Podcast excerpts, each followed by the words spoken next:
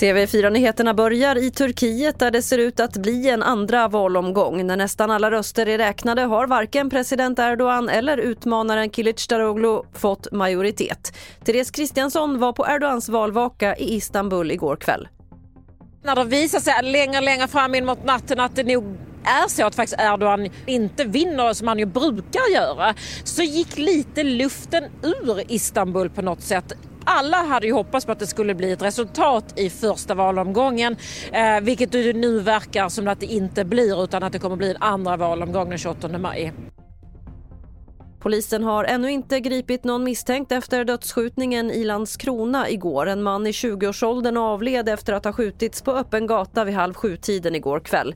Polisen har bland annat hållit förhör med flera vittnen och knackat dörr men de har alltså inte gripit någon misstänkt.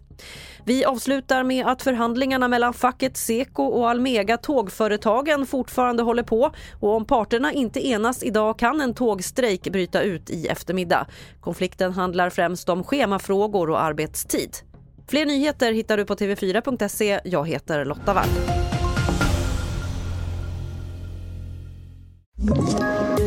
Poddtips från Podplay. I podden Något Kaiko garanterar östgötarna Brutti och jag, Davva, dig en stor dos skratt. Där följer jag pladask för köttätandet igen. Man är lite som en jävla vampyr. Man har fått lite blodsmak och då måste man ha mer. Udda spaningar, fängslande anekdoter och en och annan arg rant. Jag måste ha mitt kaffe på morgonen för annars är jag ingen trevlig människa. Då är du ingen trevlig människa, punkt. Något Kaiko, hör du på Podplay. Därför är gardinerna.